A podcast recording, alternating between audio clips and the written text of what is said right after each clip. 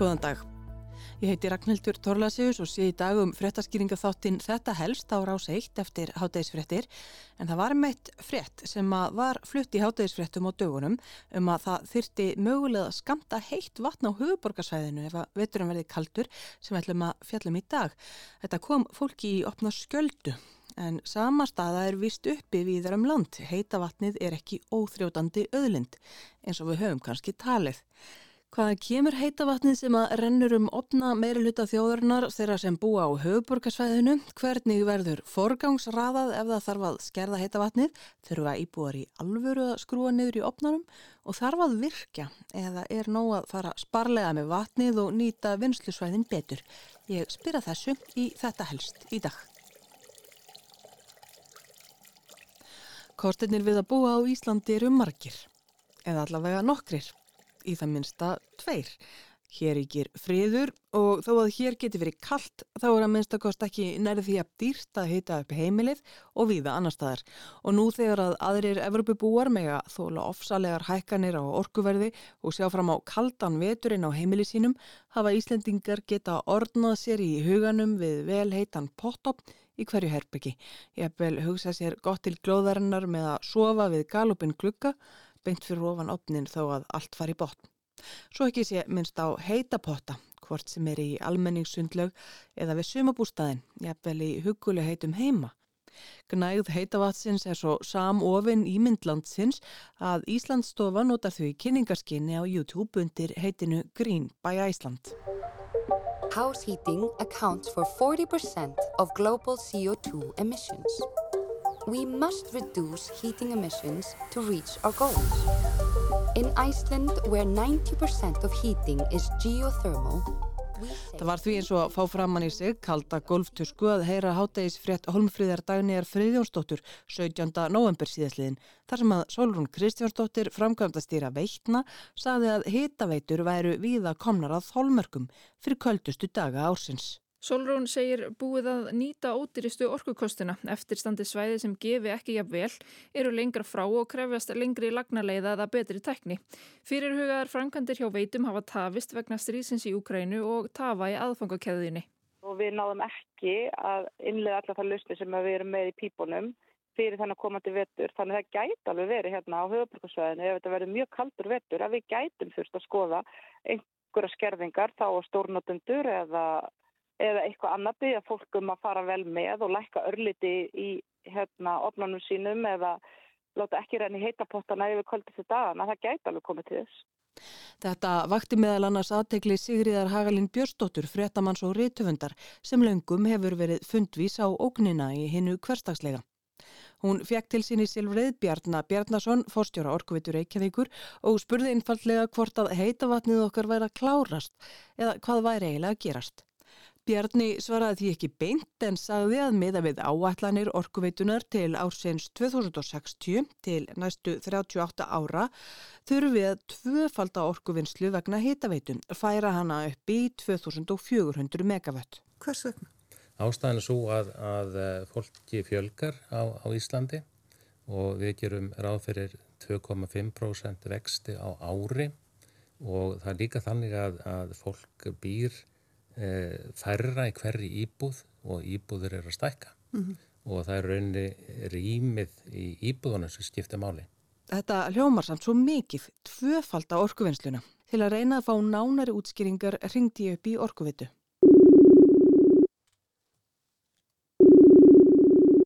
Herði, ég heiti Hera Grímsdóttir og er framkvæmd að stýra rannsóknar nýsköpunar hjá Orkuvitur Reykjavíkur. Þið vöktuð átekli á því um daginn Já, þið voru kannski svolítið að neypa í fólk með það að það væri ekki endilega, að heita vatnið okkar væri ekki óþrjótandi öðlund.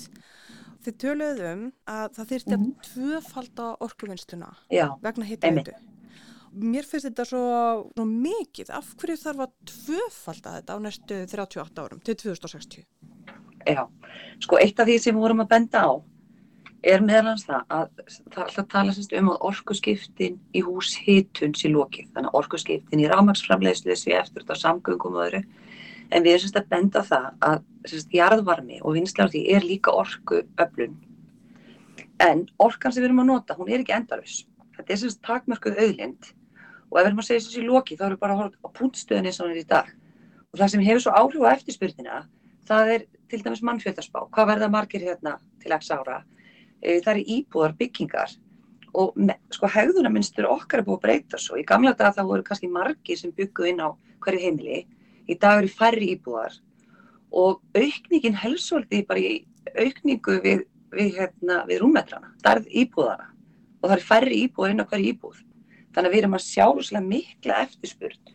Og við erum svona raun að vera að metja þetta svolítið út frá því að við erum að sjá aukningi nótkunn á síðustu árum er 120 lítrar á sekundu og það er einhvern veginn það sem er að samstæða sér spá okkur um 2,4% með núverandi nótkunn. Þannig að við erum að hugsa um í dag bara um uppsett afhjá hýtavitinni þá er það 1200 megawatt og ef við erum að spá fyrir um 2,4% aukningu þá er það það sem við erum að sjá fyrir að verðum 2400 megawatt árið 2060. Þannig að það að bara svona þessi samfélagslega breyting, hvað það búa margir einir, bæði eldra fólk og svo bara margir sem að bara fjölskyldu munstrinur öðruvísi, að það hefur svona mikil áhrif á hitaveituna.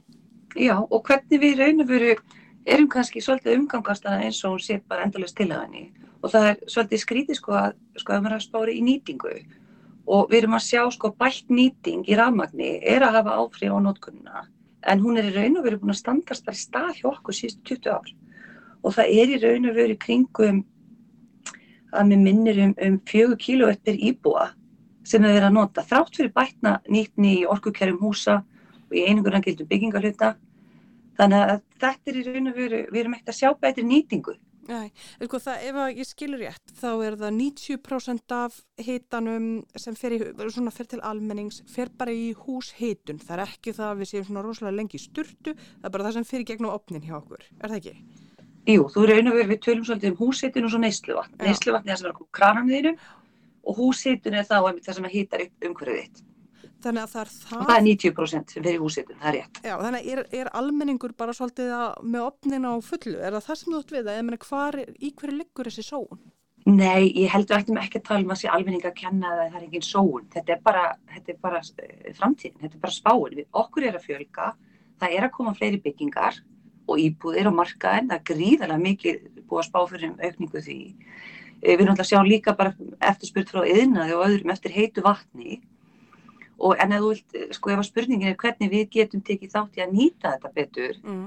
þá er það eh, til dæmis með því að huga betur að hvernig opnarnir eitthvað er stiltir, snjóbræslinnar á kvöldustu vetradögum að kannski ekki að láta það endilega renni heita bótin okkar sko því það hefur alveg eitthvað að segja. Og það er bara að umgangast öðlindin okkar af virðingu.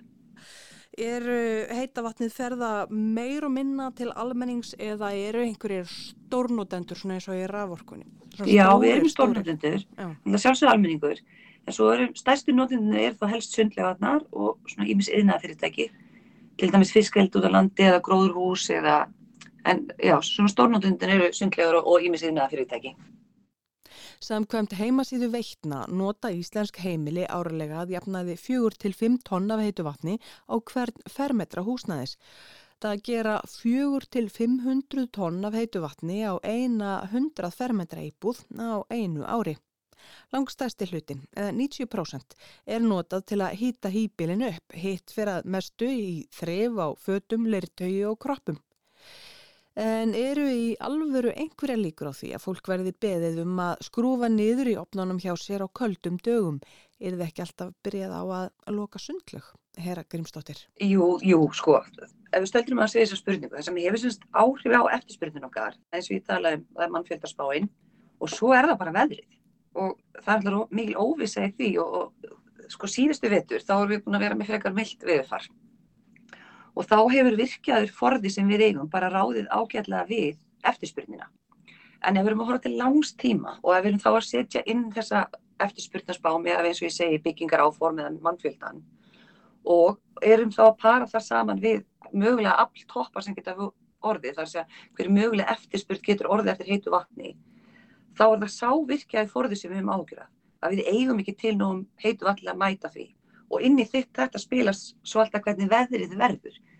Þannig að síðustu ár þá höfum við verið svolítið bara í neðri mörkunum og ráðið alveg við þetta því að veðrið hefur verið freka meilt. Og ef við horfum bara núna veturinn í vetur, þá er náttúrulega búið að vera afskaplega milt við þess og november er að, búin að vera með eindafum hlýr og þannig að við erum búin að sapna upp forða í láhýttarsæðin okkar og við gerum það með svona sumarkvíld, þá erum við meira að keira á vatni frá háhýttarsæðinu mm. og getum kvílt láhýttarsæðin okkar. Þannig að vassbóli í láhýttarsæðinum okkar, það hefur aldrei verið herra. Ef það koma kvöldaköst í janúar, februar, þá erum við mjög vel hérna undirbúin fyrir það. Ef það kemur til skerðingar, þá erum við bara með viðbrags áallin og viðbrags áallinu fer svolítið eftir viðkvæmninni á starfseminni eða hvernig starfsemi er á svæðinu, líka hvernig bara ástandi er á lögnunum, hvort að það sé viðkvæmur og annað. Fyrsta viðbrað væri alltaf ef það kæmi óvinni mikil eftirspurn og mikil kvildakast, þá væri það að leita til samráðs við stórnundindur sem er eins og heyra sagði áðan til dæmis fiskeldisfyrirtæki utan höfuborgarsvæðis eins og sundlugarnar. Um 90% heimila á Íslandir hituð með heitu vatni. Ef við skoðum höfuborgarsvæði þar sem að lang flestir búa má skipta því tvent. Þeim svæðum sem að fá jarðhita vatn og þeim sem fá upphitað virkjana vatn. Hverfin í Reykjavík, austan ellið áa og sveitarfélögin Hafnarfjörður, Garðabær og Kópavúur fá virkjana vatn til húshitunar.